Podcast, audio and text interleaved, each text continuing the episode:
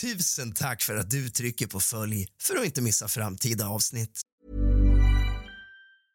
Life is full of awesome what ifs, and some not so much, like unexpected medical costs. That's why United Healthcare provides Health Protector Guard fixed indemnity insurance plans to supplement your primary plan and help manage out of pocket costs. Learn more at uh1.com. Quality sleep is essential. That's why the Sleep Number Smart Bed is designed for your ever evolving sleep needs. Need a bed that's firmer or softer on either side? Helps you sleep at a comfortable temperature? Sleep Number Smart Beds let you individualize your comfort so you sleep better together. JD Power ranks Sleep Number number 1 in customer satisfaction with mattresses purchased in-store. And now, save 50% on the Sleep Number limited edition Smart Bed for a limited time. For JD Power 2023 award information, visit jdpower.com/awards. Only at a Sleep Number store or sleepnumber.com.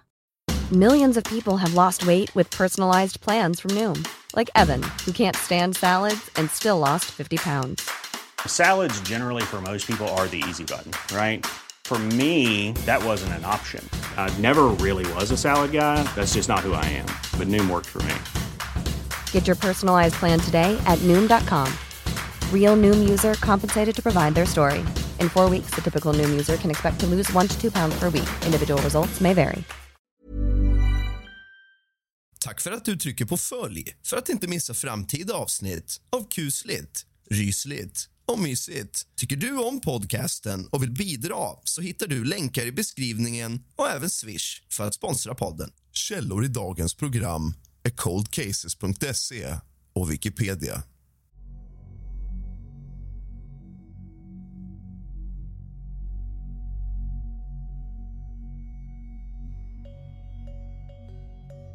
God afton, din lilla fegis. Och kallt välkommen tillbaka ska just du vara till kusligt, rysligt och mysigt. Idag ska vi prata om svenska olösta mordfall som än idag inte har klarats upp. Vissa är mycket gamla, vissa är lite nyare. Men faktum är att polisen uppskattar att det finns mellan 750 och 800 mord sedan 1985 som ännu inte har klarats upp. Det här är några av dem. Vampyrmordet. Vampyrmordet, eller Atlasmordet kallades ett olöst svenskt mordfall som utfördes på 1930-talet. Den 4 maj 1932 hittades den 31-åriga prostituerade Lilly Lindeström brutalt mördad i sin etta på Sankt Eriksplan 11 i Atlasområdet i Stockholm. Fyra dagar tidigare, på valborgsmässoafton hade hon besök av sin väninna Mimmi och omkring halv sju på kvällen ringde hennes telefon. En främmande mansröst frågade om hon var Lilly Lindström. Mannen ville komma upp och sa att han var i närheten. Ja, hallå? Råkar det möjligtvis vara fröken Lilly Lindström? Kan jag komma upp? Jag är i närheten. Lilly gick med på mötet och Mimmi gick ner till sig på bottenvåningen. Strax efter sju kom Lilly ner till väninnan och ville låna en kondom. En stund senare kom hon ner igen och ville låna ytterligare en kondom. Mimmi såg att Lilly var helt naken under sin kappa. Det var sista gången Mimmi såg Lilly i livet. Klockan nio ringde Mimmi på Lillys dörr för att fråga om hon skulle med till Djurgården, men ingen öppnade. Mimmi antog att väninnan gått iväg med en kund istället. Mimmi försökte få tag på Lilly, men hon var fortfarande inte hemma. Och Den 4 maj var Mimmi så orolig för sin väninna att hon gick till polisen. Polisen tog sig in i Lillys lägenhet och de hittade henne ligga död, framstupa på en ottoman. En ottoman är en låg soffa utan armstöd. Hela lägenheten var pedantiskt städad. Även Lillys kläder var snyggt ihopvikta på en stol. Ovanpå den döda kroppen låg soffkuddarna prydligt travade och under var överkastet snyggt pålagt. Lillys huvud var krossat av tre hårda slag. Polisen var aldrig i närheten av att lösa mordet. Ingen ledtråd till vem som var mördare hittades. Man hittade fingeravtryck från personer men man kunde inte identifiera om några av dessa kom från mördaren och man kunde inte identifiera att någon annan i adressboken skulle vara mördaren. Efter ytterligare 18 år, när en kriminalreporter för Aftonbladet sökte upp den då pensionerade brottsutredaren Johan Berg för en artikel om olösta brott plockade Berg fram en pappkartong. I kartongen fanns en kökshandduk med rödbruna fläckar och den tillbucklade soppsleven med likadana fläckar på botten. Dådet preskriberades 1957. Den 6 mars 2012 diskuterade tv-programmet Veckans brott fallet vampyrmordet. Leif GW Persson nämnde en använd kondom som upphittades utplacerad mellan offrets ben. Att offret troligen kände mördaren och att polisen, troligen med modern DNA-teknik kunde ha tagit fast mördaren. Persson menar också att fläckarna på såsleven inte säkert var blodfläckar och att brottet troligen inte rör sig om kannibalism eller vampyrism. Anledningen till att det kallas vampyrmordet var att det ska ha funnits misstankar om att mördaren ska ha druckit offrets blod.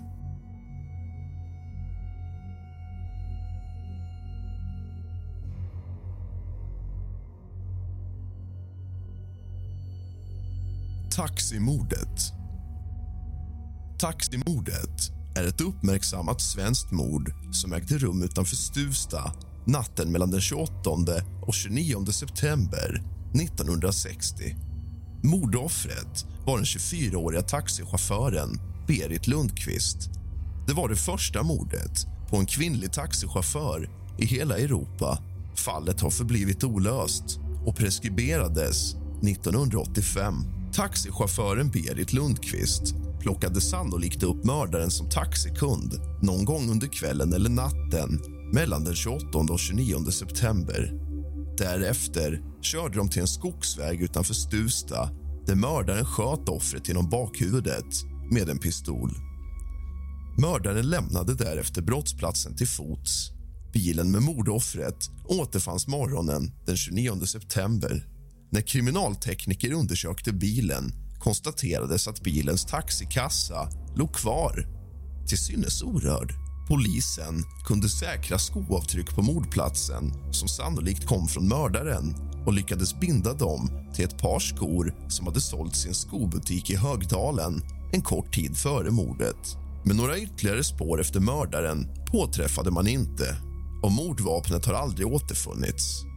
1972 erkände den dömda mördaren Leif Peters att han var den som mördade Berit Lundqvist. Han drog dock tillbaka sitt erkännande och åtalades aldrig för mordet. Mordet preskriberades 1985.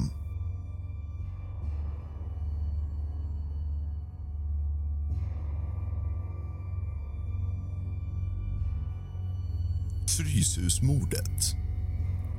Fryshusmordet inträffade nyårsnatten 1994 till 1995 vid Gamla Fryshuset i Stockholm.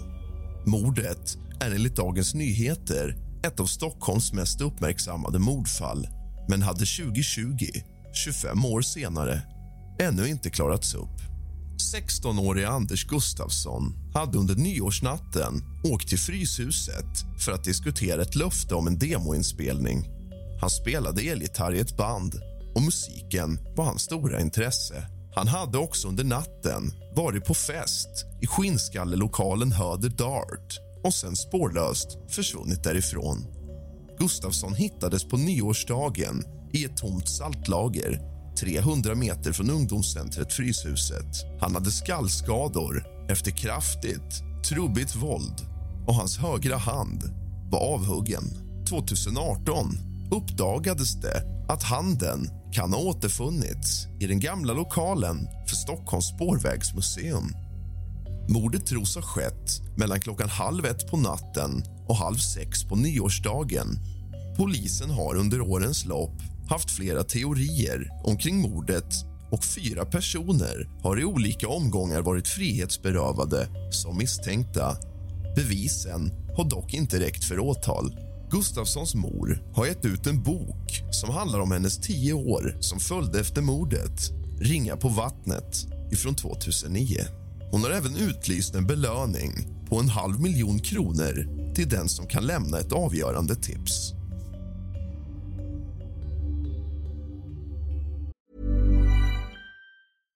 How would you like to look five years younger? In a clinical study, people that had volume added with Juvederm Voluma XC in the cheeks perceived themselves as looking five years younger at six months after treatment. Look younger, feel like you. Add volume for lift and contour in the cheeks with Juvederm Voluma XC. Reverse signs of aging by adding volume to smooth laugh lines with Juvederm Volure XC. For important safety information and to find a licensed specialist, visit juvederm.com. That's J U V E D E R M.com. Not for people with severe allergic reactions, allergies to lidocaine, or the proteins used in Juvederm. Common side effects include injection site redness, swelling, pain, tenderness, firmness, lumps, bumps, bruising, discoloration, or itching. There's a risk of unintentional injection into a blood vessel, which can cause vision abnormalities, blindness, stroke, temporary scabs, or scarring. Talk to a licensed specialist to find out if it's right for you. Millions of people have lost weight with personalized plans from Noom, like Evan, who can't stand salads and still lost 50 pounds. Salads, generally, for most people, are the easy button, right? For me, that wasn't an option. I never really was a salad guy. That's just not who I am. But Noom worked for me. Get your personalized plan today at Noom.com. Real Noom user compensated to provide their story. In four weeks, the typical Noom user can expect to lose one to two pounds per week. Individual results may vary. A lot can happen in three years, like a chatbot may be your new best friend. But what won't change? Needing health insurance. United Healthcare Tri Term Medical Plans, underwritten by Golden Rule Insurance Company, offer flexible, budget friendly coverage that lasts nearly three years in some states. Learn more at uh1.com.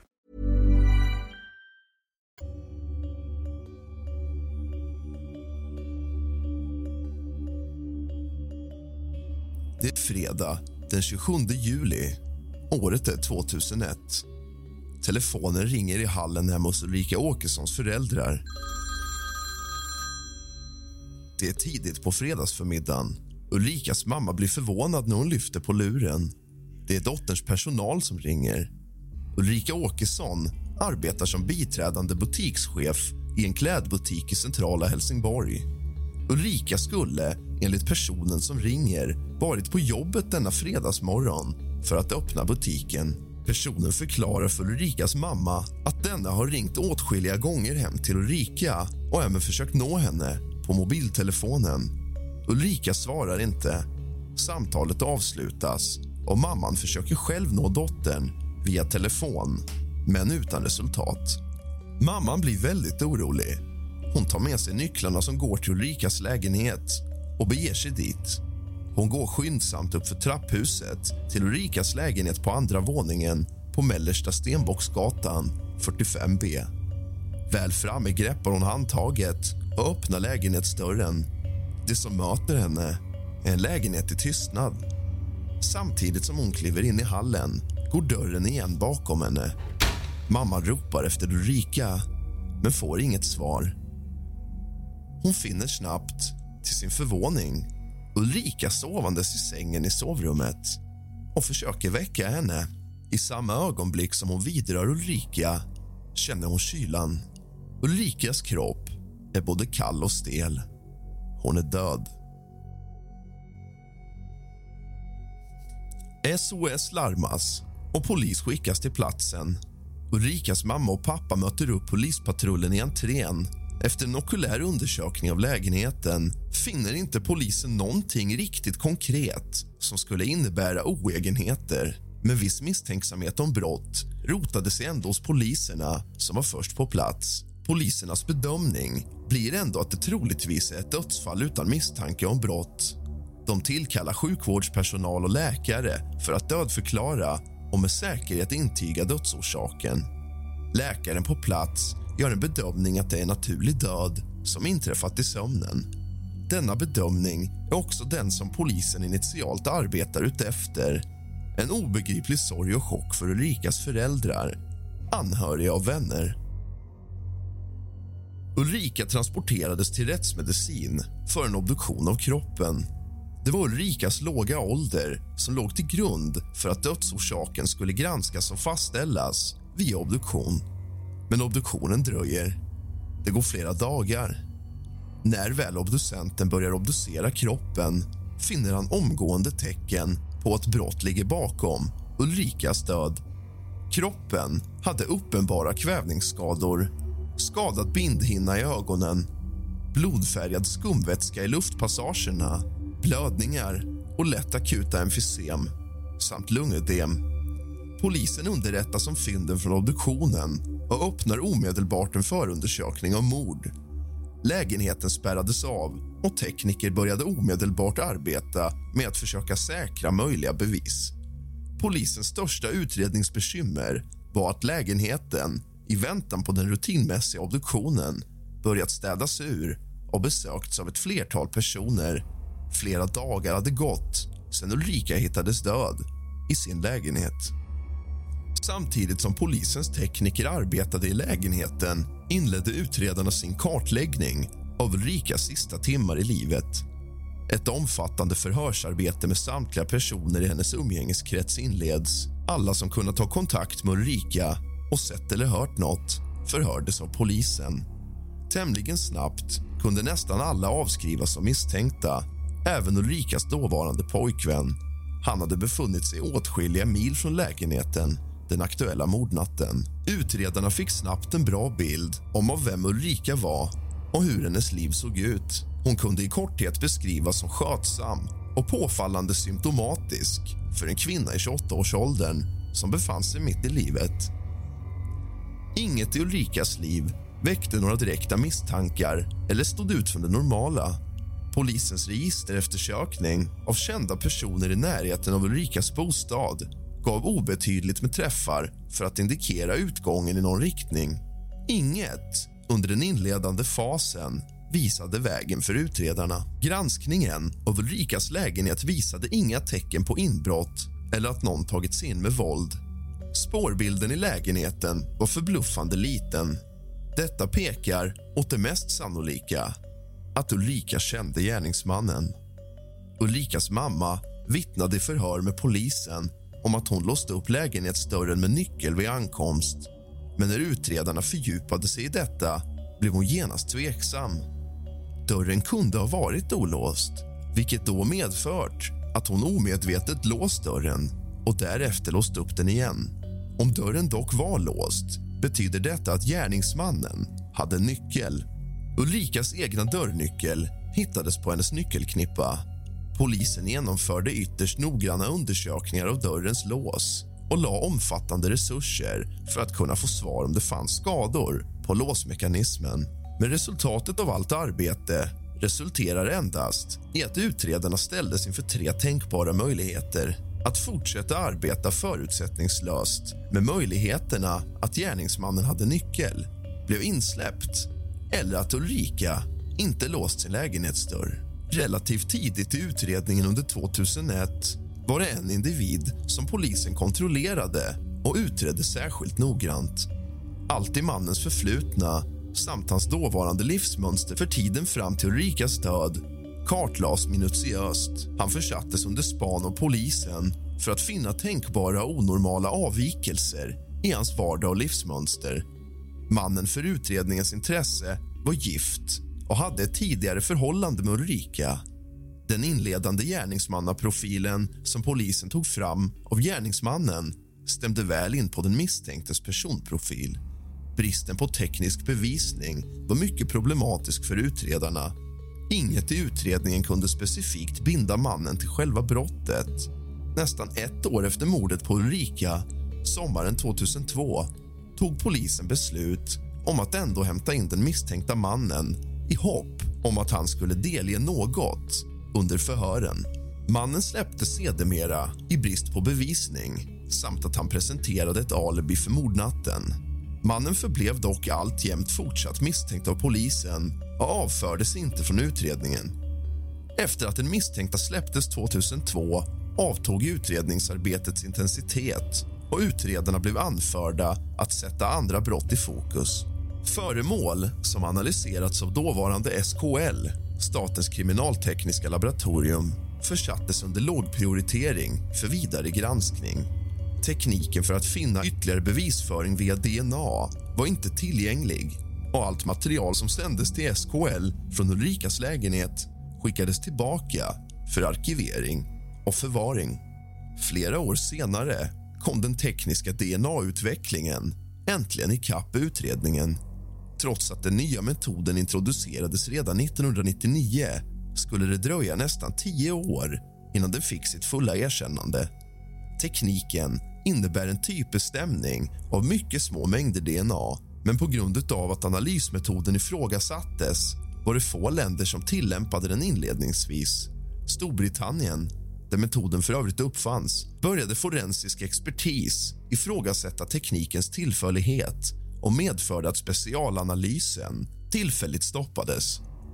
Själva kopieringsprocessen av DNA blev ifrågasatt och var tvunget att utredas av rättssäkerhetsskäl. Spårmängden av DNA som behövs för den typen av analys är minimalt liten. Jämförbar storlek av själva mängden DNA som behövs är en miljondel av ett saltkorn. Ett enda andetag från en annan individ kan kontaminera provet.